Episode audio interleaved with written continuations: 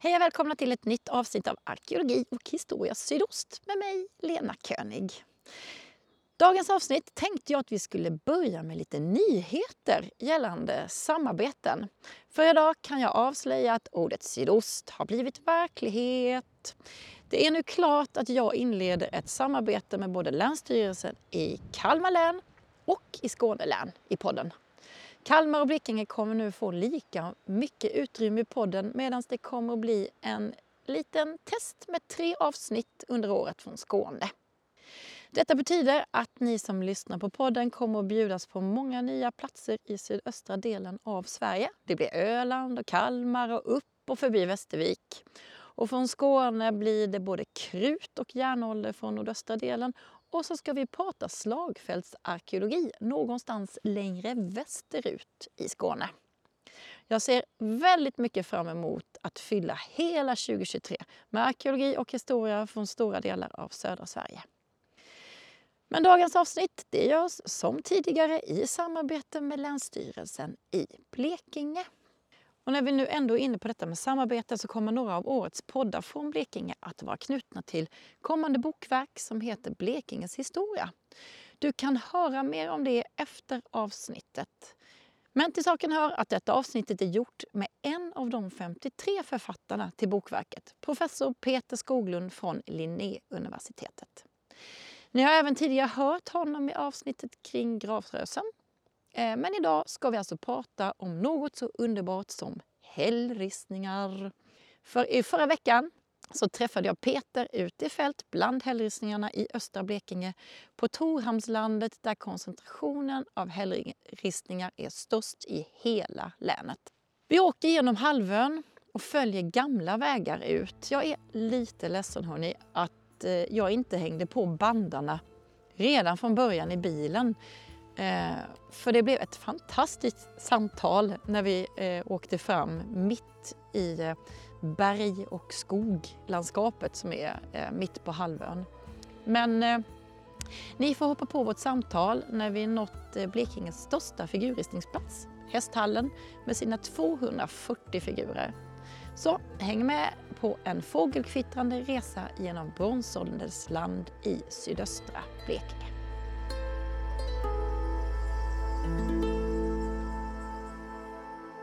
Ja, Ja. Jo, jag har ju varit med tidigare i din podd Lena. Mm. Eh, Det var ju ungefär ett år sedan när Mm. vi var ute och pratade om röserna i Blekinge. Och nu är jag här igen. Och nu pratar vi om det jag älskar mest av allt, tror jag. Hällristningar! Ja, det, det är också någonting jag gillar väldigt mycket. Mm. Mm. Jo, men vi bestämde att vi skulle träffas därför att det är ett bokverk på gång i Blekinge. Och en liten, liten, liten artikel ska handla om hällristningar och det är du som ska skriva den. Och då tänkte jag, kom hit så kan, du få, kan vi kika på det ihop och så kan vi prata hällristningar. Du är såklart intresserad av hällristningar. Hällristningar. Du, ja, du Mm. kan ju en hel del om detta Lena, egentligen. Men Ja, fast inte, inte på det viset som du kan alls. nej, det är klart, jag har ju ägnat rätt så mycket tid de sista åren åt just Mm. hällristningar. Ja, Ja. Men hur började det? För du, det, du är ju ändå liksom proffs på det här. När började du? Ehm, alltså arkeologi har jag hållit på med egentligen hela mitt yrkesliv i 30 år. Men eh, hällristningar är väldigt intensivt de sista 10 åren. Mm. Och det är mycket tillfälligheter. Eh, Saker händer och man hakar på och det utvecklar sig. Eh, jag fick chansen 2011 och eh, eh, göra ett forskningsprojekt vid Göteborgs universitet om just hällristningar. Mm. Eh, Och då var jag där i fem år, jobbade mycket med ristningarna nere i Skåne. Och sen eh, de sista åren har jag jobbat eh, både uppe i norra Sverige men också nere i Afrika, i Kenya med hällristningar och hällmålningar på olika sätt. Vad är en hällristning då? Om man ska vara, säga så. Ja, eh, eh, vi brukar skilja på ristningar och målningar. Mm. En, en ristning är ju någonting man har knackat, eh, huggit eller bultat ut i ofta en klipphäll då. Eh, så att det blir liksom en liten, liten fåra i, i berget eller i klippan.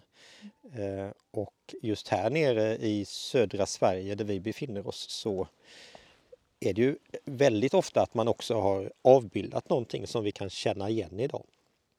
olika motiv helt enkelt. Som vi står här, vi står ju på en klippa nu och tittar på ristningar och mycket av det vi ser är ju någon slags båtar.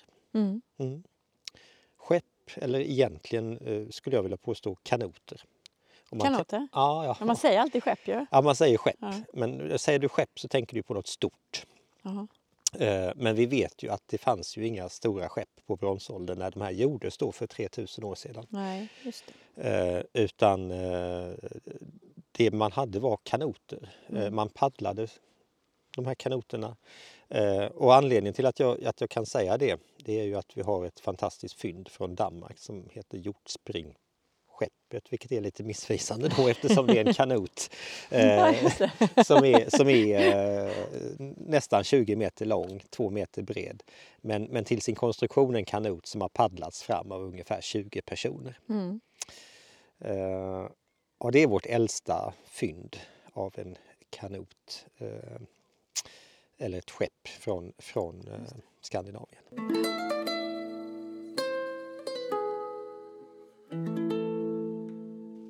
Men eh, om vi börjar liksom lite från början. Hur länge har man eh, forskat på hällristningar eller liksom ur en vetenskaplig? Är det... Jag vet att de här nämndes ju i några skrifter redan på 1700-talet till exempel. Man kan väl säga att det, det, eh, det följer framväxten av arkeologiämnet. Mm. Alltså då, då tänker jag att vi har ju en utveckling i början på 1800-talet där man börjar förstå att eh, det finns ett tidsdjup i, landskapet, att lämningarna i landskapet representerar ett stort tidsdjup. Och det har ju att göra med framväxten av ämnet geologi och att man förstår sig på vad är stratigrafi, att saker som ligger längre ner är äldre än de som ligger högre upp i, i marken och så vidare. Eh, Men det är väldigt famlande där i början Eh, och man har ing- ingen bra koll på kronologi och tidsbestämning och så. Man, är. Man försöker så gott man kan förstå sig på både arkeologi men också hällristningar.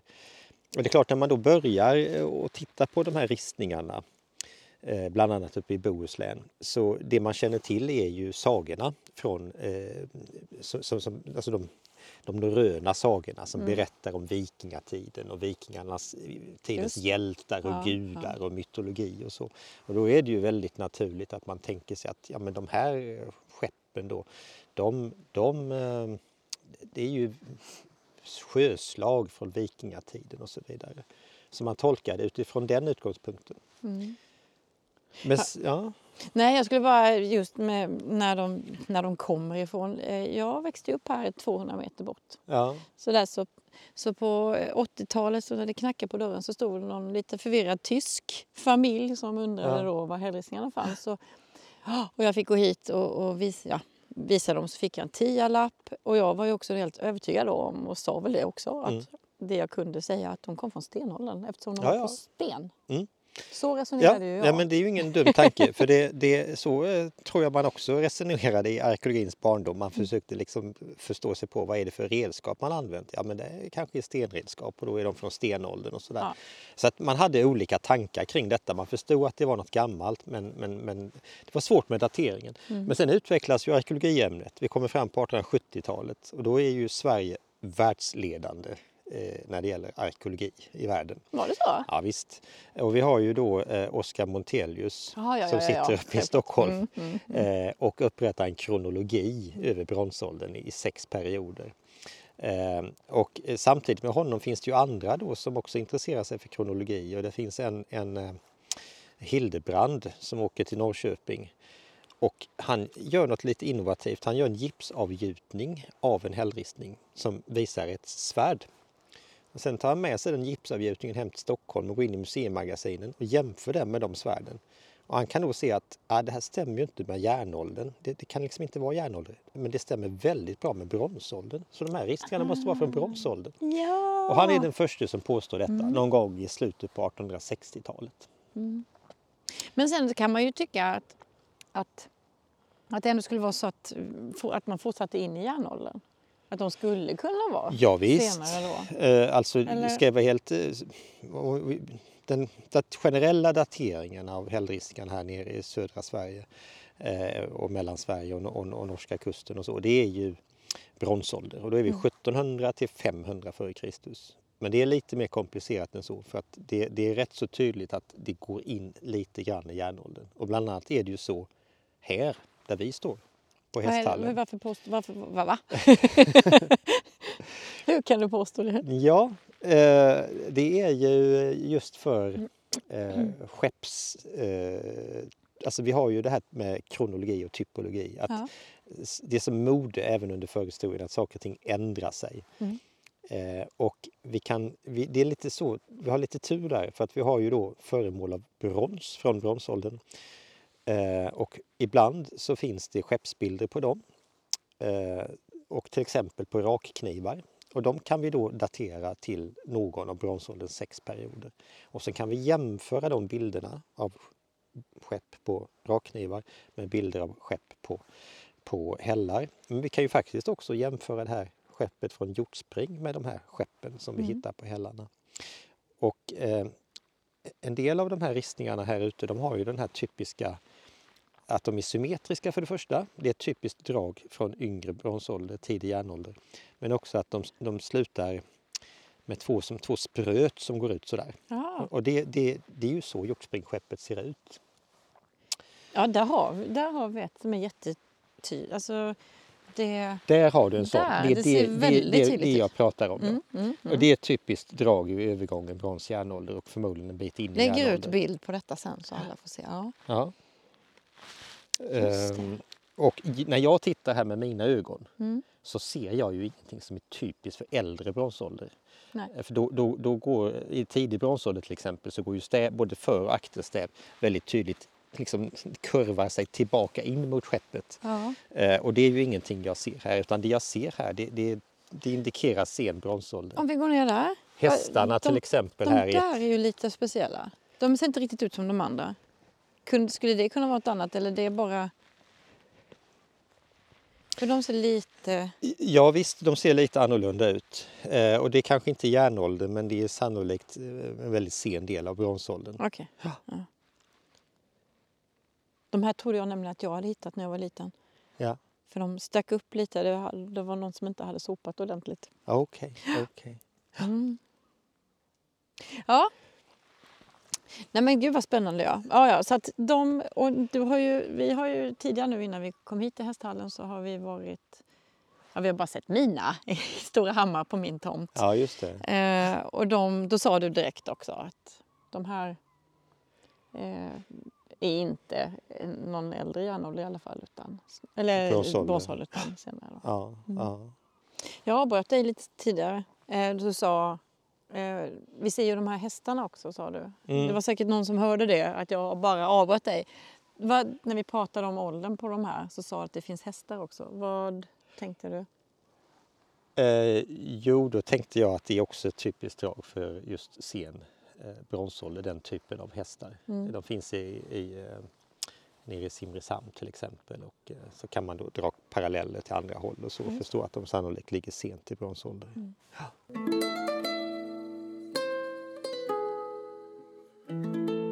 Spännande.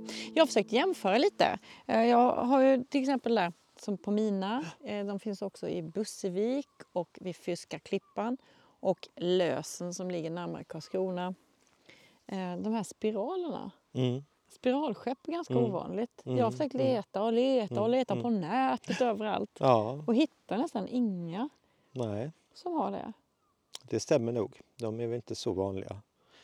Ehm, Kan, vad kan det betyda? Du har vet. du något sånt här? Nej. Nej. Nej, här finns bara cirklar, de här binnikemaskarna tänkte jag Ja, säga. men det, det är ju en spiral där då istället va? Det är så du menar? Ja, precis. Eh, Just att, att, eh, att, det, ja, att det blir en spiral i Ja. fören. Är det väl? Ja, Och, ja. Alltså det finns väl, eh, ja i mitt huvud så kanske. tänker jag att jag har nog sett det men det är inte så vanligt. Men uppe i Nej. Bohuslän det finns så väldigt mycket tror jag man kan hitta sådana exempel. ja.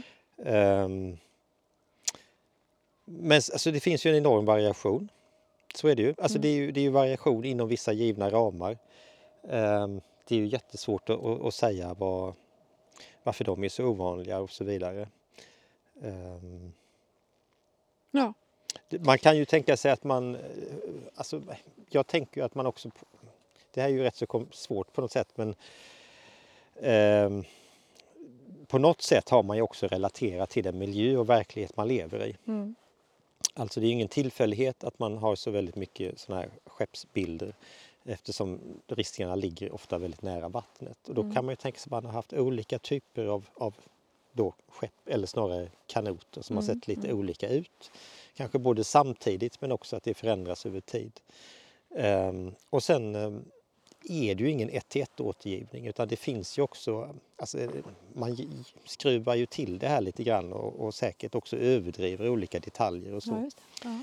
Ja. Um, så att um, en viss, det finns ju också en viss konstnärlig frihet så att säga. Mm. Som skapar en variation inom ändå rätt så bestämda ramar. Man får ju inte göra vad som helst. Man får inte göra ett hus till exempel. Det ser vi ju aldrig. Nej. Nej. Ja, nej, det gör vi inte. Nej. Uh, och, och det, nej, kan man säga. ja. uh, nej men det, det, är ju för att det, det, är ju ett, väldigt, det är ett maritimt uttryck så att uh. säga. Det, jag, jag tänker ju att det är folk som har färdats på haven som, som har gjort de här bilderna. Mm.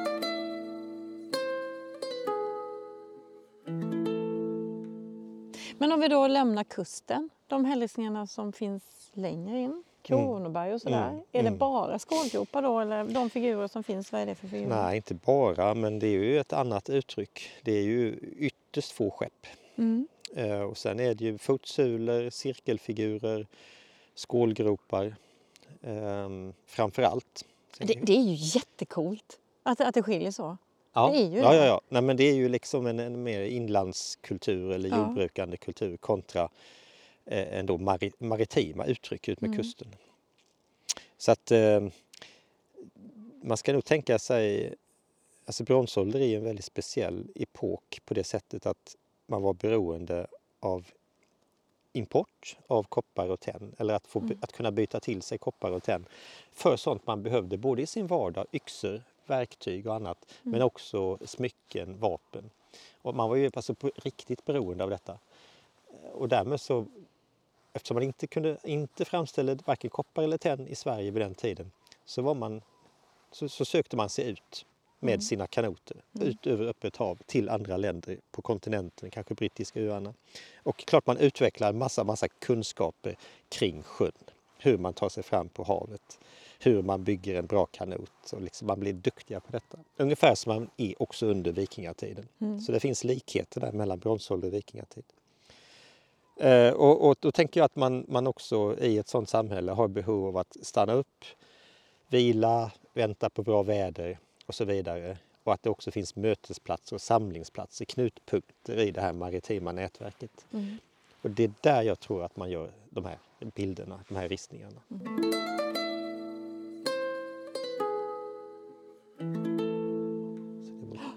Men du, när vi körde ut till den här halvön så tog vi bilen och körde, om jag får säga, ett lite äldre håll ner, mm. inte den nya västliga eh, mm. vägen på Torhamnshalvön utan Nej. centralt. Rundade en sjö som ligger i norra delen av halvön, Faskesjön.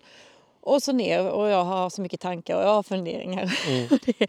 och, det, är gårdar som eh, när vi inventerade då 2007, 8, 9 mm. eh, att vi hittade skålgropar invid vissa gårdar som, och de gårdarna finns på kartor från 1600-talet och så vidare. Ja. Ja. Eh, Va, hur, hur, viktigt är landskapet runt? Eller, eller om jag säger först, vad brukar man, när, vad brukar, när brukar man se hällristningar? Det är nära vatten och nära åkermark? Eller vad? Eh, alltså de här de stora hällristningskoncentrationerna vi har nere i södra Skandinavien de, de finns ju där dåtidens stränder var. Och de, måste ju inte, de är ju ibland på samma, ungefär samma plats som idag. Mm. Ibland var de på rätt så andra, andra ställen i landskapet beroende på den här strand, strand, stranden har ju förskjutits. Mm. Det är två processer. Havet lyfter sig, när isen smälter så fjädrar landytan uppåt. Samtidigt så förändras ju vattennivåerna i världshaven så att det innebär att vattennivåerna, haven kan kan öka eller sjunka. Så det är de två processerna. Men generellt mm. sett så kan man ju säga att till exempel uppe, som uppe i norra Bohuslän Eh, så det som idag är inlandsmiljöer eh, med rätt så, rätt så långt från havet var ju då när de här hällristningarna gjordes där eh, i en kustmiljö. Ja, just det, Ja. just det. Och så är det ju generellt för väldigt många ristningar att de, de fanns i dåtidens kustmiljöer. Mm. Men inte alla. Vi pratar om ristningar uppe i Smålands inland. Eh, och där finns de också, men i lite mindre utsträckning, inte lika många. Och andra figurer, framförallt saknas ju skeppen då. Mm, Nej, för jag bara funderar på det här, liksom, i vilka kontexter. Jag är väldigt sådär som vill sätta in allting i något totalt sammanhang. Eh, inte bara jag hällristningar är nära vatten ja, eller så, utan att, det liksom, att man på något vis ändå hade någon, någon slags vardag med sina hällristningar. Och bör det då inte både finnas bosättningar och lite gravar och lite ditt och lite så. Mm, mm.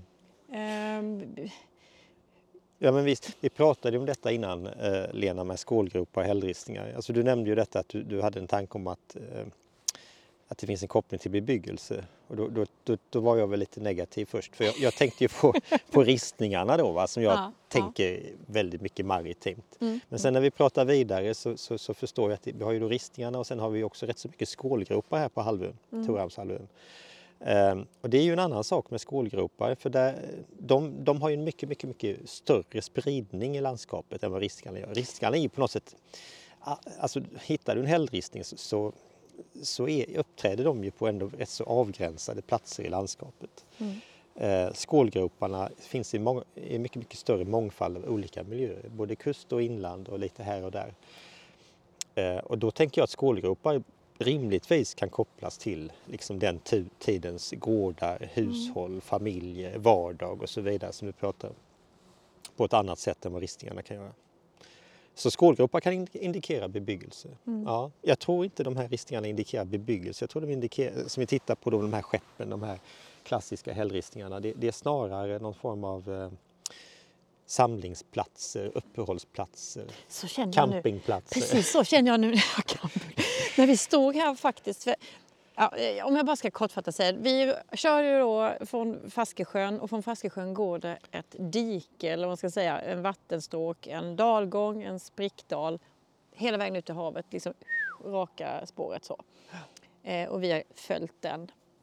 Eh, och då, den passerar här, vad kan det vara, är det en kilometer härifrån Ja, kanske? sånt. Ja.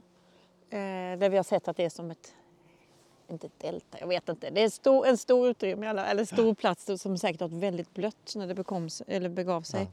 Så nämnde du innan att, eh, att när man kanske väntade på rätt vindar eller av någon anledning eh, stannade till längre att man hade kanske, jag vet inte om man hade ceremoni eller om det bara var att man gjorde något. Det, det är ju häftigt att tänka sig att de gick, jag precision, nej, men att, liksom att de samlade sig upp, att det, var, det kanske var mycket folk här då. Att man kom hit och slängde käft och Ja, jag tänker eh, framförallt att är det, inte så, berättade historier och man är- är det- snackade av sin senaste resa. är det inte så att den här Torhamnshalvön som vi står på är en väldigt naturlig samlingsplats för människor som kommer från olika håll. Alltså färdas man på vattnet här eh, så, så, eh, så kan man gå i, gå i land här, man kan få färskt vatten, man kan ligga i, i skydd för vindarna och invänta bättre väder för att till exempel ta sig vidare upp ut med Östersjön mot, mot Mälardalen. Eller om man kommer från andra hållet vidare söderöver. Alltså det, är en, det, det är en- det är en naturlig punkt. Eh, Historiskt sett har jag också uppfattat att det varit så. Va? Mm. Ja, ja. Eh, och sen är det ju spännande då att, att fundera över dagens landskap kontra hur kan det ha sett ut på bronsåldern just här. Mm. Eh, och eh, havet stod ju lite högre på den tiden. Vi pratade innan om att det kanske var ungefär tre meter högre. Eh, det gör en viss skillnad, kanske inte en jättedramatisk skillnad men en viss skillnad. Strandlin- stranden har legat lite närmare. Eh, idag är vi och, och cirka 2-3 Två, tre kilometer kilometer kanske. från ja. havet. Ja. Ja. Eh, Men framförallt det här vattendraget du pratar om, eh, där har ju varit mer vatten på den tiden. ja, det måste varit nästan eh, vattenblank eh, yta. Ja. Eh, både för att havet stod högre men också för att man inte hade dikat ut landskapet. Och då, då är det ju spännande med den här, eh, varför jag då är lite noga med ibland att säga kanoter. det är för att det får en viss betydelse för hur Ja, vi, hur vi ja, ja. ser de här transportmedlen. Liksom. För att ehm, återigen då den här, det här hjortspringskeppet som det heter men som egentligen är en kanot daterad till 400 f.Kr. Eh, det har om jag minns rätt vägt ungefär 500 kilo. Eh, men, men så är du 20 personer som paddlar fram det. Då lyfter du den och båten är, eller kanoten är ju faktiskt hittad två kilometer från stranden så bevisligen har man ju burit den in i inlandet. Ja. Eh, så att man kan ju tänka sig att det kanske har varit så öppet vatten som man kunnat paddla upp bara någon kilometer härifrån eller så. Men eh, det har kanske inte heller varit, om det har varit något hinder på vägen har det inte alls varit omöjligt heller att lyfta en kanot en bit. Nej. Det var ju så man gjorde när man tog sig fram på åar och så. Alltså det finns etnografiskt väldigt välbelagt från olika håll i världen, Nordamerika till exempel, att man, man lyfter ju sina kanoter för att ta sig förbi vattenfall. Det var ingen stor grej. Liksom. Nej, nej. Nej, man kan ju också bara tillägga att när vi då eh, inventerade det här området, när det nu var, eh, 10, 15, 15 år sedan eller något, eh, då hittade vi ju skålgropsförekomster på eh, lösa block. Som liksom, de, de ligger som en, som en linje både här och eh, det är ganska långt upp, det går en tvärväg eh, Ja. 300 meter från, även på andra sidan på stora block. Ja. Så det, är nästan, det känns nästan som att det här är ett område som på något vis har skärmats av lite Mm. av skolgropar. Mm. Det kanske är överdrivet men... Vad sa du, skärmas av av Ja, skålgroparna? alltså att, eller? man, att, att man har ringat in eh, det här området lite. Mm. Att det inte har varit var det här. Det är så, Mm. så vi satt och fikade och, och, Mm. och, och smidde våra planer Ja. och Sven-Gunnar. Ja, ja. Eh, har, man, Eh. har, man sett sånt, alltså har man sett så på andra ställen? Där, att, att det känns som en gränsmarkering eller med skålgropar just? Nej, det har jag kanske inget bra parallell till så här Nej. på rak arm. Men jag tror jag förstår hur du menar och jag delar väl den uppfattningen att, att det här kan ha varit ett område som har varit lite för sig självt eh, i någon bemärkelse. Ja. Ja.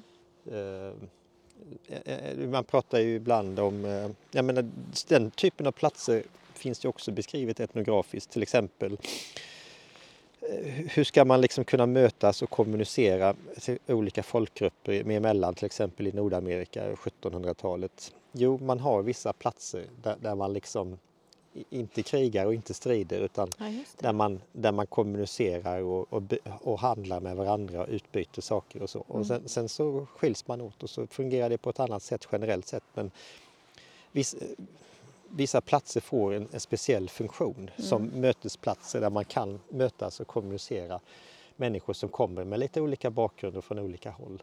Och, eh, jag tänker mig absolut att detta är en sån plats som kan ha fungerat så. Det är ju två skäl. Dels är det ristningarna men det är också placeringen i landskapet på den här Torhamnshalvön som har en väldigt strategisk placering i relation till havet. Liksom. Ja,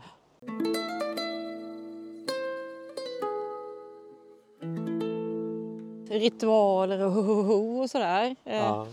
eh, hur ställer du dig till det? Alltså att detta, har det varit eldar och, och liksom mytiskt och så? Eller hur, hur ser du på Eh, Du frågade om min... Min Ja, personliga ja, hur du, uppfattning, ja, ja. du har ju ändå hållit på och rotat i Hällristen så länge. Liksom, vad är din känsla? Nej, men alltså, det är ju en jättesvår fråga. Det är en bra fråga, men en svår fråga.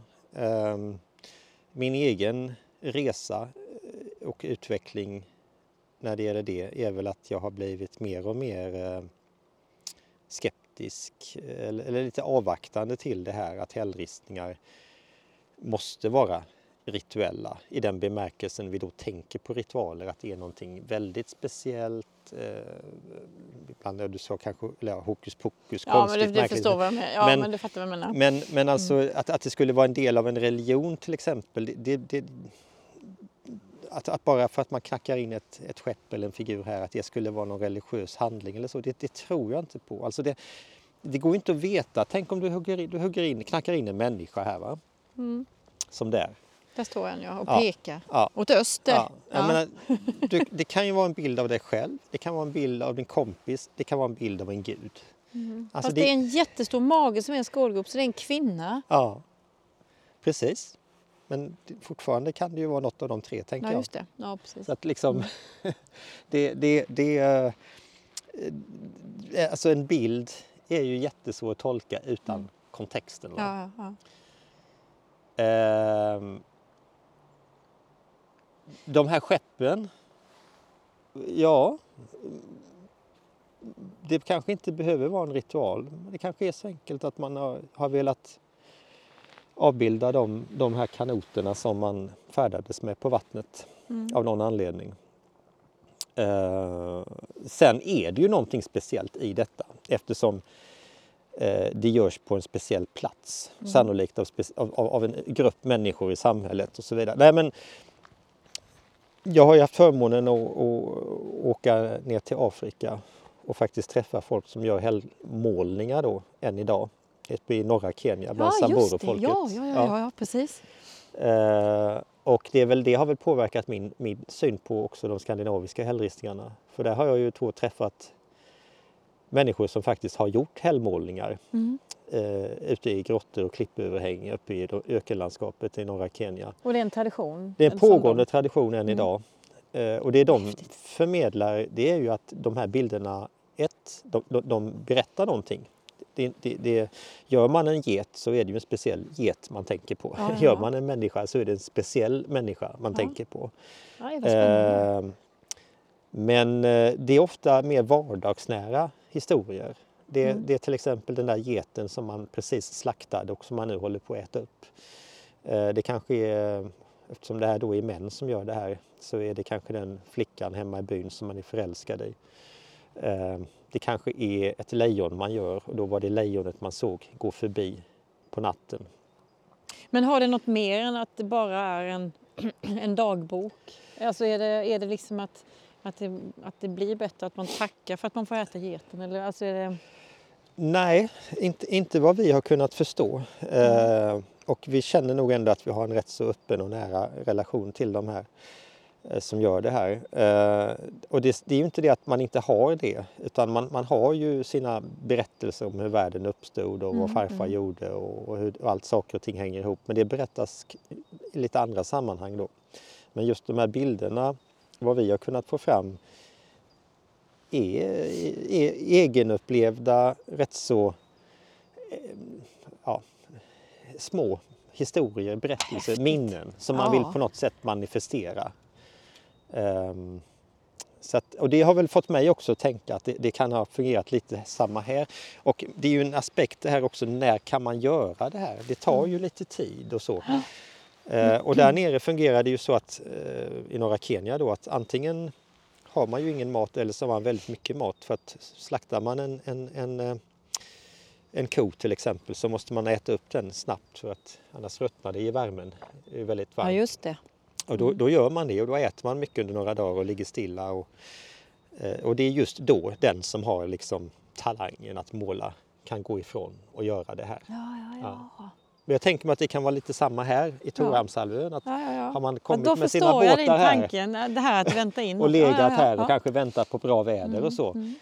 Då har man tid Och eh, här på hästhallen vet jag att det är, om det är att, att göra sådana här Ja, lite det- meningslösa grejer. Det är fem eller sex ytor. Det kanske är så att det är klarna då. Att var och en när man passerar här så är det vissa släkten som får vara på vissa platser. Så kan det vara. Nu, så kan det absolut nu vara. drog jag iväg.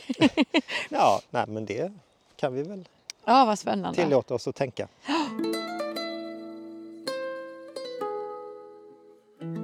Eh, vi är hästhallen. Vi har sett Stora Hammar där hemma hos mig och jag tänkte att vi skulle köra vidare och Mm. se. Det har pågått ett litet projekt ett tag. Eh, en kustförening här som har gjort det är så att eh, hällristningarna på Torhamnshalvön, hästhallen har ju funnits lite i skrift och sådär. Och, men man har aldrig gjort någonting, man har aldrig liksom varit stolt över de här hällristningarna, aldrig visat upp dem eller haft liksom något större pådrag när det gäller hällristningar. Eh, så att då har det, jag är en del i detta. Vi har byggt ett litet, litet hus som är friggebod och ett litet minimuseum där man kan se kalkeringar, avbilder och bara lite texter, kort, väldigt kortfattat om varje hällristning, alltså figurristningsplats. Och lite information om forntiden, från isåldern och framåt. Jag tänkte vi kunde åka dit så du får kika på det och, och tycka till. Ja, kul. ja.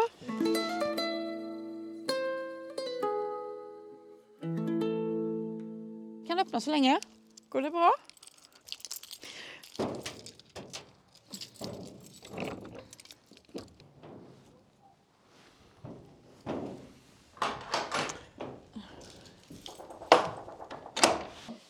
Så har vi då olika här från alltså i Ja. stenålder och så, så kan folk läsa lite så som de vill. Och sen Ja. här har vi alla hällristningarna då. Ja, vad tjusigt. Vad tjusigt.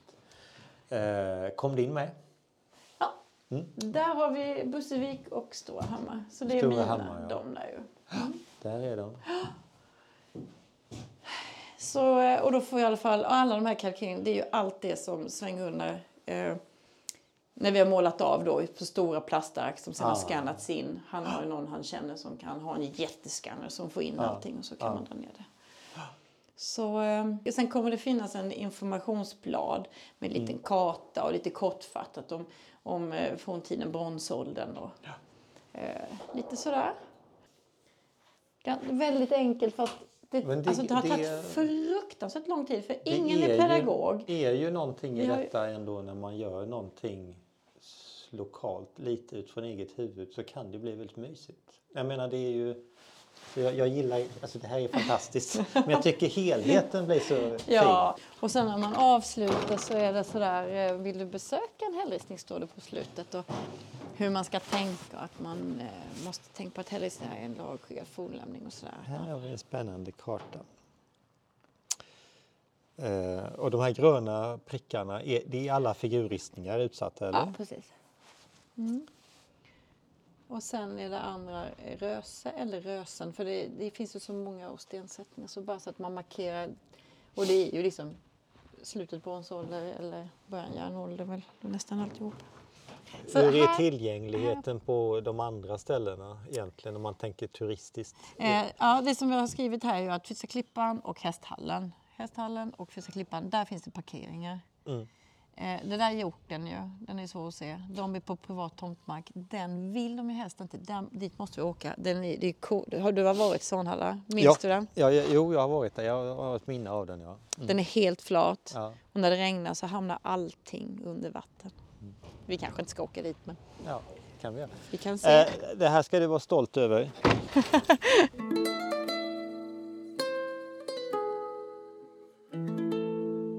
Varför har man lagt helgsenarna där man har lagt dem? Nej, jag tror man ska tänka vad är det som är viktigt om man kommer ut från havet? Eh, var kan jag gå i land på ett skyddat och bra sätt? Eh, var kan jag hitta färskvatten? Eh, ja, vad är det lämpligt att, att, att lägga till med min kanot så att säga? Mm. För nu, nu är vi, eh, har vi hoppat ur bilen och är på väg till Svanhalla. Eh, de hällristningar som är här. Och oj vad annorlunda det ser ut, de har betat här. Nej men vi åkte bil och då så pratade vi just om det här med, då kom jag ju på att, att jag också har sötvatten ovanför mina hällristningar, att det stiger upp. Ja, Och så har vi precis. pratat om eh, det här som jag kallar Tångadiket då. Då ska Just vi gå det. åt höger här. Eh, jag tror vi ska över Stenmum precis va? Ja. Oj, här är det blött. Och då tänker jag att kommer man utifrån havet och behöver eh, gå i land och inte är från trakten så kanske man går in där eh, lite Ja. skyddat, lägger till med sin kanot, eh, bunkrar upp med färskvatten, vilar upp sig och sen åker man vidare.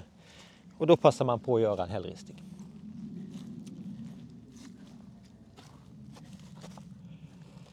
Nu är vi... Alltså det är... Landskapet är så annorlunda mot när jag var här senast. Ska vi lite högre upp? För att annars tror jag att det är här. De är ju inte imålade de här stackarna. Nej, Det, de är på andra sidan stenmuren i alla fall. ja, ja jag förstår. Eh, och vi vill inte bli blöta om fötterna. men- Det som är väldigt speciellt, jag ska se om jag kan... Kan man ta sig upp här? Är de här eller vem? Farao. Det är jättelänge sedan. Men det här har verkligen betats av på ett jättekonstigt sätt. Det som är speciellt för de här hällristningarna det är ju det här att de ligger på en flat häll. Är det här eller är det längre? Nej, där är ett skepp ja. ja detta är så coolt. Peter, alltså nu får vi se det så som... Eh, du ser att det är ett skepp där va? Ja, Här finns alltså över hundra hällristningar. och de ligger Eh, under vatten. Nu ligger de under vatten. Och det, det är detta som är det unika med, med den här platsen ju. Att när det har regnat mycket så dränker det alltid hällristningarna. Och har ju så gjort naturligtvis. Alltid. Mm. Och det där är ju spännande och det, det, kan vi ju se på andra håll också att man faktiskt har eh, relaterat ristningar till rinnande vatten. Ja. Eh, alltså det är ju så att eh, uppe i Bohuslän till exempel, på hällarna där, så har du sprickor i berget där vattnet rinner efter regn och så vidare. Och ibland kan man se väldigt tydligt hur man har relaterat just bilder av, av båtar och skepp till de här eh, sprickorna där vattnet rinner. Här är det ju på ett helt annat sätt. Här är ju faktiskt, de är ju faktiskt dränkta av vattnet Ja. här. Va? Alltså jag, jag har varit här ja, vid lite olika tillfällen. Eh, ofta, ja, jag tror aldrig jag sett dem eh, med så här mycket vatten.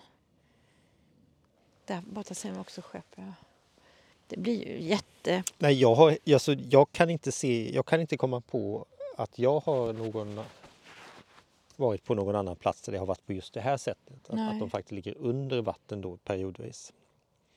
Det, det, och det är ju det som är så himla häftigt.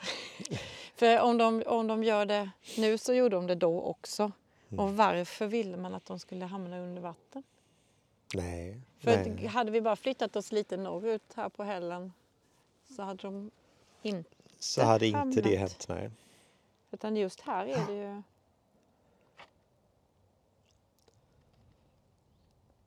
Nej, jag har nog inget bra svar på det. Ehm, men men, men, men ehm, Åh, vad coolt! Men man känner dem igenom vattnet. Men kan man inte tänka sig att vissa eh, perioder så är det mindre vatten och då kan det bli det här att de rör sig i ett skärgårdslandskap? Eller? Ja, ja. Alltså att man har vatten här och där och ja, så, och där. Och så rör sig bo, liksom skeppen genom det här vattenlandskapet. Kanske. Men du, det var nästan omöjligt att se något här förutom... Det är Det väldigt, de väldigt skeppet, det eh, skeppet där. svårt att se. Ja, ja, där är ju absolut en ristning där. Mm. Eh, De blir ju också fördärvade. Alltså det blir bara värre och värre. ja, ja. Och sen vet man inte hur sura de här regnen är och, och hur det funkar. För det här är regnvatten så att säga. Här är ju regnvatten. Ingen aning. Däremot är det ju världens vik in här ju. Och den gick ju tre alltså så att de har ju kommit ganska nära här. Ja just det, det är ju jätteintressant. Om, Mm. om vi höjer havet här några meter Ja, så blir det kanske som en liten vik in här. ja det blir det ju. Ja, och det, så är, har det, du, har, det blir en vik in helt enkelt. Ja. Och så har du en eh, väldigt plan fin yta här. Ja, detta är som ett torg. Ja, det blir som ett torg. Ja. Ja. Väldigt så.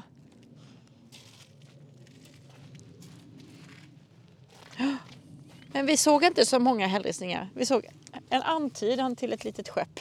Stort skepp. Det var ganska stort i och för sig. Men ehm, när är det som mest vatten här? Det är under våren kanske? Ja, det måste nästan vara nu va? Man kan tänka sig att de här ristningarna gjordes kanske under en lite torrare väderlek Ja. under sommaren. Ska vi gå bort och kolla på viken? Ja. Det blir o- Hela den viken in där. Alltså det går ju hela vägen in. Ända fram till ja, Litorinavägen. du får en vik in här och sen oerhört lätt också att bara lyfta upp kanoterna här på den här plana ytan. Ja. ja, just Ja. det. Har du. Det är liksom ingenting som tar i vägen utan det är väldigt jämn fin sluttning från Ja. där vi står ner mot, mot vattnet. Eh, Så det har ju varit en, en Ja, här har, perfekt bara, plats. här har bara varit lite, lite, lite stenigt. Och sen har det varit berghäll. Över... Jag menar, man, man har hittat, kunnat hitta, rätt så enkelt hitta ställen här där man inte skrapar kanoten utan Ja. bara kan dra den Ja. rakt upp på den flata hällen. Och så har det säkert bara varit, det har varit lite sediment. Eller så under. Så att, eh, ja, Ja, detta är ju en jättehäftig plats. Så, och nu är det så pass mycket be, mer betat mot när jag... Alltså det är inte länge sedan jag var här, det är ett par år sedan. Men, ja. men eh, det ser annorlunda ut. Och då kan jag tänka att det har, det har ju varit så här flat. Man har ju sett... Ja, du fattar ju själv. ja, man har såklart fin utsikt ut mot havet. Och vad är det vi tittar på Lena? En en. Ja, men vad är det bakom enen? Vad, vad är det? Östersjön. Östersjön. Det är bara Östersjön, Östersjön. Det Kommer är Baltikum på andra. fri, fri horisont. Man har Öland någonstans på vägen där. Ja. Eller ja, det har man inte. Här, här är man söder om Öland.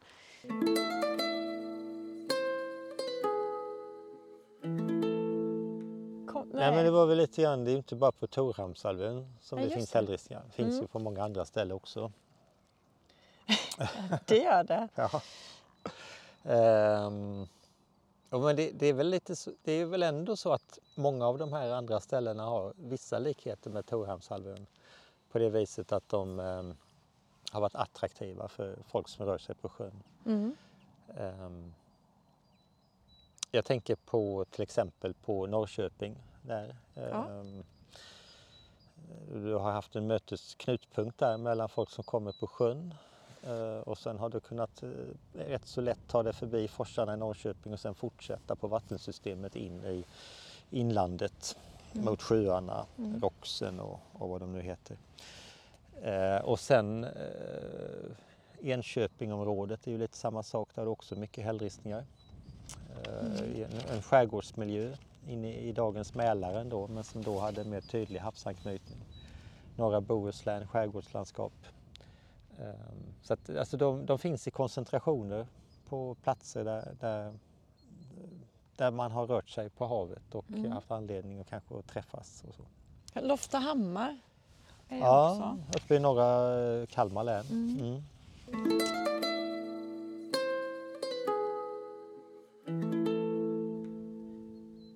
Ja, men sen pratade vi också om hur gamla de är. Ristningarna. Just det. Ja. Mm. Eh, och det, det är ju, vi- när vi pratar om ristningarna här nere i södra Sverige och eh, södra Skandinavien generellt så är det ju bronsålder som är mellan 1700 och 500 f.Kr. Men sen kan de också gå in i äldre järnålder, absolut. Mm. Ehm, sen finns det ju i Skandinavien längre norröver ristningar som är mycket, mycket äldre.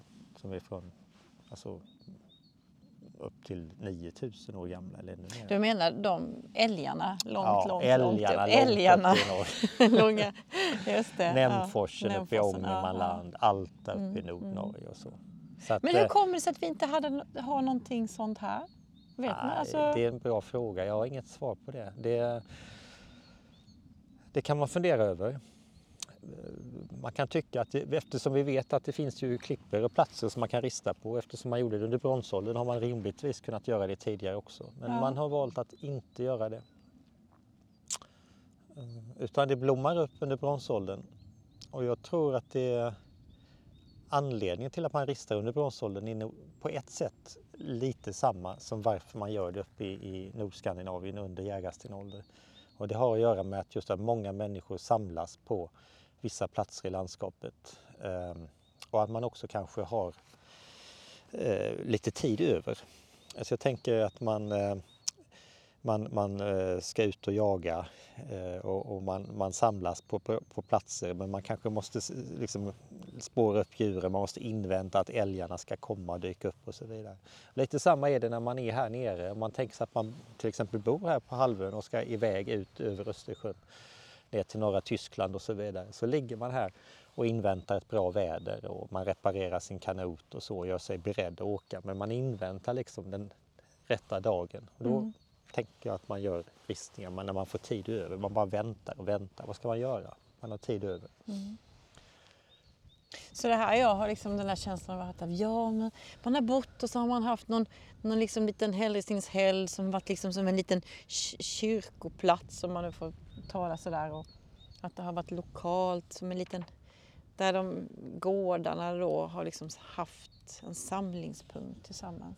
Är det, Nej, jag tror inte på det. Jag tror att det kan, skålgroparna kan ha fungerat lite på det sättet som Mm. du beskriver där. Men eh, de här ristningarna som är med, med skepp och, och, och nästan bara skepp. Nej, det, det, det, det är någonting annat. ja. Okej. Jag gillar det vi har sagt här idag ändå. Det här med vika, sötvatten och när man kommer just hit som till Svanhalla.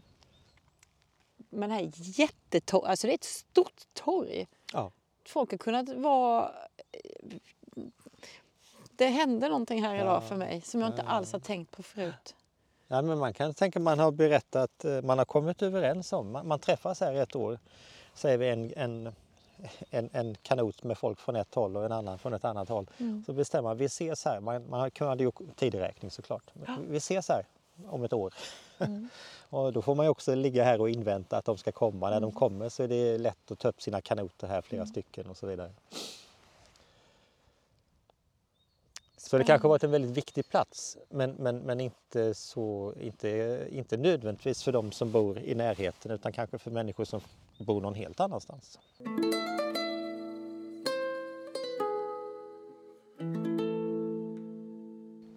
Men om jag säger så här nu då. Eh, här finns ju hällristningar, det finns några platser, åtta stycken eller så. Ehm, hur kommer det sig att vi har så lite platser här jämfört med västkusten då? Nej, Eller varför är det så vansinnigt mycket på västkusten? ja. Nej du, ja det är... För det är, det är ju otroligt mycket hällristningar där. Ja. Nej, jag vet inte. Det, det, det kan jag inget svara på. Har de haft det bättre på något vis? Eller? Nej. Ja, Men det, det enda jag kan tänka är att det ligger väl någonting i det här att, att om någon börjar så fortsätter man. Att, det- att det Mm. liksom blir lite självförstärkande sådär. Men det de blir lite täv, de är tävlings, tidigare täv, också, eller? tävlings... Ja, ja, alltså det Ja. finns ju en sån aspekt. Då kan, men det är också svårt att förklara. Alltså, en, ett sätt att se på det, det är ju att de ristningarna här eh, som vi ser idag här på Torhamnshalvön och tittat på, eh, de är ju rätt så sena då. Ja. Så att här är ju, inte, här är ju ing, nästan ingenting eh, från, från de första tusen åren av bronsåldern. Så då blir frågan, ja, varför gör man inte det då? Liksom? För att allting Ehm. kommer hit sist. Men när man väl gör det så, så gör man ju det ordentligt. ja. Ehm, så det är väl kanske lite så. Om någon börjar så fortsätter man. Här, Mm. här, här, här väntar man länge och när man väl gör det så gör man väl det ordentligt. Mm. Det finns ju mer ristningar här från väldigt sen bronsålder, tidig järnålder än, än, än vad det gör eh, nere i Simrishamnstrakten till exempel. Där, där är det ju ifrån den, framförallt ifrån de tidiga delarna av bronsåldern. Ja. Så att, eh, men jag vet inte, det förklarar ju inte riktigt varför. Alltså det, det, det talar om för oss att de har olika ålder men, men varför, det, nej, det är svårt. Mm. Nej, och tittar man på kartan till exempel över Blekinge så är det super, super tydligt. Mm. Det är Bräkne-Hoby som ligger precis mitt i Blekinge. Där finns det en med Ja. två skepp. Ja. Och sen, sen smattrar det på och sen Ja. så blir det en... En Nej, för jag, jag tänker att de här Här platserna vi har pratat om som platser betraktade har de ju säkert varit viktiga under hela bronsåldern. Men, men ristningar gör man bara under en rätt så begränsad Mm. del. Mm. Ja, sen är, sen är som sagt ja, de är ju, hack, de är ju hackade i sten så de håller ju också. ja. Men där i Bohuslän har man ju då en större kontinuitet genom hela så det ackumuleras. Och sen tror jag att det blir också lite tävling. Om, om någon har börjat så vill man göra sitt eget bidrag och helst lite Mm. bättre än det som finns innan. Va? det är inte så det funkar. Ja. ja. Är det något mer? Vad, är det, vad har vi pratat om? Eh, nej, nej. Ehm, Vi var ju och kikade på det här lilla hällristningshuset ja, just det. som en lokal Mm. företagarförening har, har byggt Ja. upp. Ja, jag tyckte det var Eh, jättefint. Som en liten friggebod, en liten sjöbod Mm. med tio stycken planscher Mm. med forntiden och med de hällristningsplatser som finns. Ja, Mm. det, nej men, kommer man hit och inte har några bakgrundskunskaper så är det ju svårt att orientera sig i landskapet. Mm. Men med den informationen ni har ordnat där så, så får man jättefin överblick. Och man förstår vad som finns och det blir enklare Ja. att ta sig ut. Och jag kan säga så här, kommer man hit till Svanhalla, hoppar över den här stenmuren och tittar i lite vattendränkt berg, man ser ingenting. Nej. Men i det lilla huset där är Mm. eh, jättefina eh, kalkeringsritningar eller vad ska jag Ja, säga. Så ja. där ser man. Man ser ju alla, allting väldigt väl. Nej men den här, mil- den här hällristningsmiljön har ju att den har blivit så mycket tydligare de sista åren genom, genom de här dok, det har ju bedrivits en hel del dokumentationsarbete Mm. och ehm, även att man har hittat nya Ja, ristningar. Precis. Ja. Vissa av oss. Man bara Ingen rik, ingen riktar, glömd. riktar en trädgårdsslang mot en häll. Eh, Jag tror hon heter Lena. ja. ja Eh, det är... Så att eh, det, det, har ju, den, det har ju ändå, jag tycker att Torhamnshamn växer fram ändå som en, en, en spännande hällristningsregion. Mm. Och då behöver man ett litet museum. Och det har ni fixat Ja. nu. Ja, men en plats där man kan komma och kika vad som faktiskt Ja. finns. Eh, Kan man inte gå ut i landskapet så kan man Mm. gå dit och vill man inte gå ut ändå och, ändå veta vad som finns Mm. är det ganska tydligt. där. En, en, en, information, en plats med information i all enkelhet. Liksom. Japp.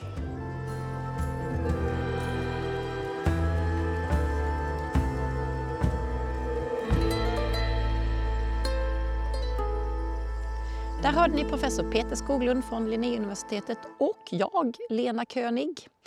Ehm, och det här avsnittet gjordes i samarbete med och med bidrag från Länsstyrelsen i Blekinge. Jag vill verkligen rekommendera den som är intresserad av hällristningar och som har vägarna förbi i sommar att ta er ut och se de här fantastiska platserna i landskapet. Och om ni vill veta mer om det lilla bronsåldershuset, Bronsåldersland, så hittar ni alltså mer information på kustvägensydost.se. Och där kommer det då stå eh, var det här huset befinner sig för tillfället. För det är alltså ett mobilt hus som vi ska kunna flytta på. Så om besökarna inte kan ta sig till hällristningarna så kan vi ta hällristningarna till besökarna, är tanken. Och som jag berättade innan avsnittet så hålls det på i detta nu att skrivas ett bokverk om Blekinges historia. Bakom projektet står Sankt Knuts gille i Ronneby och här hör ni ålderman Lars Malmgren berätta om projektet.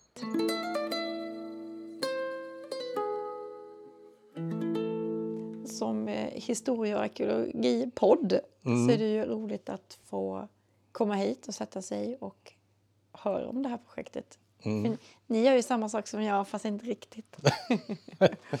Men först bara, Ja. eh, presentera dig. Vem är du?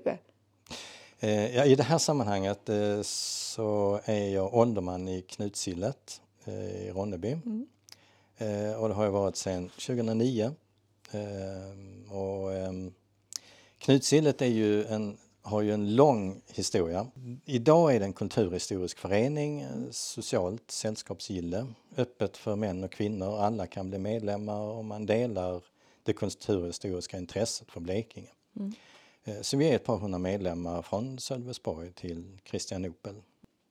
Men du, jag, jag har ju åkt hit idag för att det är ett ganska häftigt projekt på gång. Mitt i. Mitt i kan man säga. Ehm, För det hör till saken att eh, Blekinges historia i en samlad berättelse har inte skrivits sedan 1792. Eh, Så det var den, den dåvarande professorn Sjöborg i Lund som eh, skrev eh, Blekinges historia då. Eh, Samma professor som också bildade eller grundade eh, Historiska museet i Lund. Då, då är det dags nu då. Det har ju runnit en del eh, vatten i Mörrumsån sedan Ja. dess kan man ju säga. Ja. Eh, Så eh, det är verkligen dags. Eh, Vi har ju bara under de senaste 15 åren verkligen förändrat eh, kunskapsläget om den blekingska historien i länet. Eh, Fantastiska utgrävningar som har skapat ny kunskap. Mycket forskning som har gett oss helt ny förståelse för den blekingska historien. Så Ja. att, eh, det är verkligen hög tid att eh, skriva den blekingska historien. Men Varför är det viktigt att göra det? Den blekingska historien lever fortfarande med oss idag. Eh, utan att vi kanske tänker på det så mycket men det finns, vi har våra ledstänger bakåt i historien. Där eh, stora omflyttningar har eh, påverkat eh, Blekinges utveckling under 1900-talet. Där eh, Blekinge som gränsland eh, har färgats av att eh, både ha var en del av ett, eh, en perifer del av ett danskt maktcentrum eller ett svenskt maktcentrum där vi har eh, tvingats förflytta oss mellan olika kungaherrar. Men lika mycket också att det är ett gränsland mellan, mellan land och hav som ju har präglat länet under årtusenden kan man ju säga. Och allt detta bär vi med oss, även om eh, det förändra, historien förändras. Eh, inte minst med fisket som ju förr var ett kustnära fiske som väldigt många livnärde sig på. Så idag finns det ju inte en, en kustnära fiskare längre. Utan det har tagit andra uttryck. Mm. Men historien lever med och den finns närvarande på olika sätt. Ja. Eh, vad, vad, kan man läsa om? Eller vad, vad, är det man kommer, vad kommer finnas med i boken? Kan du avslöja något? Några artiklar eller så? Vad kommer de handla om? Eh, ja, det, kan, det kommer att skrivas. Som sagt, vi har 53 författare. Mm. Eh, men ehm, eh, det viktiga är ju att deras berättelser kuggar i vartannat. Mm. Att eh, vi får en sammanhållen berättelse som gör boken läsvärd. Elisabeth Rudebäck som ju har skrivit mycket om Ljungaviken mm. och eh, Vesan. Ah, där mm. eh, mycket ny historia har kommit fram. Mm. Vi har inte bara en hund som man har hittat. Det är, ju, det är ju hur eh, människorna på den tiden, 8000 år tillbaka, hur de, eh, det man trodde fram till de här utgrävningarna, att eh, det var vandrande folk som rörde sig. Men mm. här har vi kunnat hitta boplatser som har gjort att man faktiskt har kunnat visa att mm. folk stannade upp och återkom till boplatser här i Blekinge. Eh, och det kommer ju att naturligtvis hänga ihop med Karl Perssons eh, berättelser om eh, Sietorpsområdet. Det. Om, det, har vi en podd, det finns det poddavsnitt om just med Karl. ja. Så ehm, vi, vi, hoppas ju att flera mm. av författarna kommer att kunna berätta mer i kommande poddar. Mm. Eh, så där hänger det ju ihop kan man säga. Spännande. Eh, Martin Hansson som ju har gjort flera utgrävningar här eh, kring den tidig medeltida och hela medeltiden kommer att skriva om just medeltiden och mm. Hagbards källare som vi kommer att göra nya utgrävningar och kunna få nya fynd och berätta om i bokverket. Ja, där, tycker jag, där tror jag nog att podden vill... Vi har ju varit där för två år sedan så det det är time kanske. Det, det är dags att, att berätta ja. mer om det. Mm. Ehm, och det hänger ihop med den medeltida utvecklingen. Jimmy Julin kommer att skriva om Elleholm. Ehm, går vi vidare framåt så finns det också jättespännande författare för där blir det mer tematiskt. Ehm, så där kommer vi att skriva om just folkliga förändringar, ett eh, stort kapitel om det. Eh, av detta vi har pratat om, eh, Ann-Kristin Wernersson Wiberg skriver om emigrationen. Mm, mm. Vi kommer ha ehm, Ja, vi kommer skriva om folkrörelserna naturligtvis. Eh, kvinnohistorien har jag nämnt, den judiska immigrationen som var väldigt tidig här i Karlskrona. Vi kan inte komma förbi den, den militära dominansen naturligtvis. Nej, det... men, men det får inte bli någon slagsida på det skeppet. Nej. Utan eh, det har sin betydelse. Mm. Mm. Och Lars Eriksson Wolke kommer då att skriva om det tillsammans med eh, eh, Karin Nilsson som skriver om båtsmannaorganisationernas sociala betydelse. Det var inte bara att vi fick båtsmän utan vi vill också lägga det sociala perspektivet på mm. vad hände eh, när de etablerades här. Landsbygden har ju varit oerhört viktig för Blekinge mm. naturligtvis. Eh, den småskaliga industrin, eh, hur den har utvecklats. Ehm, på 1800-talet eh, när vi hade småskalig industri. Väldigt mycket inriktad på att eh, odla potatis så vi kunde bränna mycket brännvin. Eh, som en och annan Blekingebo med förtjusning hällde i sig på den mm, tiden. Mm, mm. Eh, men det kommer vi att berätta om. Så mycket av detta hoppas vi kunna utveckla i bokverket mm. som ju då just nu skrivs mm. för fulla muggar av författarna. Eh, hösten kommer vi ägna åt att eh, samla ihop manus, redigera, sätta samman, mm. eh, bildsätta. Blekinge är ju så fantastiskt vackert. Så vi måste ju ha med bilder som både symboliserar, förtydligar och berättar mm. om det vackra Blekinge. Och jag, tycker, jag har ju fått se exempel lite på hur den ungefär kommer se ut. Och det är också en bok som man kan bläddra i, se bilder, lite fakta ute. Så att man behöver inte sitta bara och läsa de här artiklarna utan man kan ju också ha den och botanisera i lite. Ja, den kommer göra sig sin plats både i bokhyllan och på, eh, på eh, bordet. Eh, mm. Så. Spännande att kunna bläddra i. Ja, känns jätte, jättemysig. Det här är då ett pågående bokverk. Mm. Ehm, eh, Gillet jobbar med detta helt ideellt. Mm. Eh, men det är, ingen, det är inget gratisprojekt. Eh, de omsätter några miljoner. Mm. Eh, och ehm, vi söker stöd för det via stiftelser och på annat sätt. Men vi ger också ett erbjudande att man ska kunna göra ett förköp av bokverket. Oh. Eftersom det kommer att komma ut i en begränsad upplaga så vill man försäkra sig om att man kan få sitt eget exemplar av det här bokverket så kan man gå in på en särskild hemsida som är blekingeshistoria.se eh, och där kan man göra ett förköp av bokverket och det bidrar med den ekonomin också till att vi faktiskt kan eh, betala en mixiprint, att vi kan ge arvode till en del författare, att vi kan få ro hem det här projektet mm. Eh, så att vi kan ge ut det som vi bedömer i mars 2024. Mm. Alltså det ska bli så kul att få se det när det blir klart tycker jag. Verkligen. Vad kostar ja. den? Um, vi, um, vi kommer ju ge ut båda, båda banden samtidigt. Uh, och ja, just det, man köper två. Man köper två, ja. ja. Uh, och det kommer att kosta 980 kronor. Mm, mm.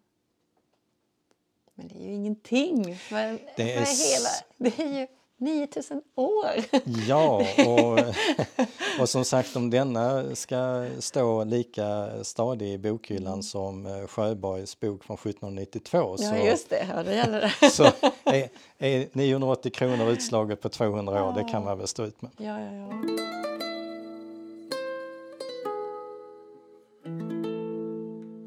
Det var alltså ålderman Lars Malmgren vid Sankt Knuts gille i Ronneby som berättade om bokverket som skrivs i detta nu. Vill du veta mer eller göra ett förköp på böckerna så kan du gå in på deras hemsida blekingeshistoria.se. Ja, ehm, det är väldigt mycket information. Jag vill också berätta att jag faktiskt ingått ett samarbete med Blekinge Läns Tidning. Eh, Blekinge Läns Tidning har podden på sin hemsida och jag önskar alla er som har hittat podden via det hållet välkomna till eh, kulturlandskapet. Jag vill ju försöka att hitta även de som ännu inte hittat dit poddar, eh, där poddar finns. Det går alltså också att lyssna på avsnitten via poddens hemsida arkeologiochhistoria.se. Där hittar du alla avsnitt med bilder och ibland film från platserna som vi besöker. Och ja, det var ett himla massa snack idag. Så eh, vi hörs snart igen. Hej hej!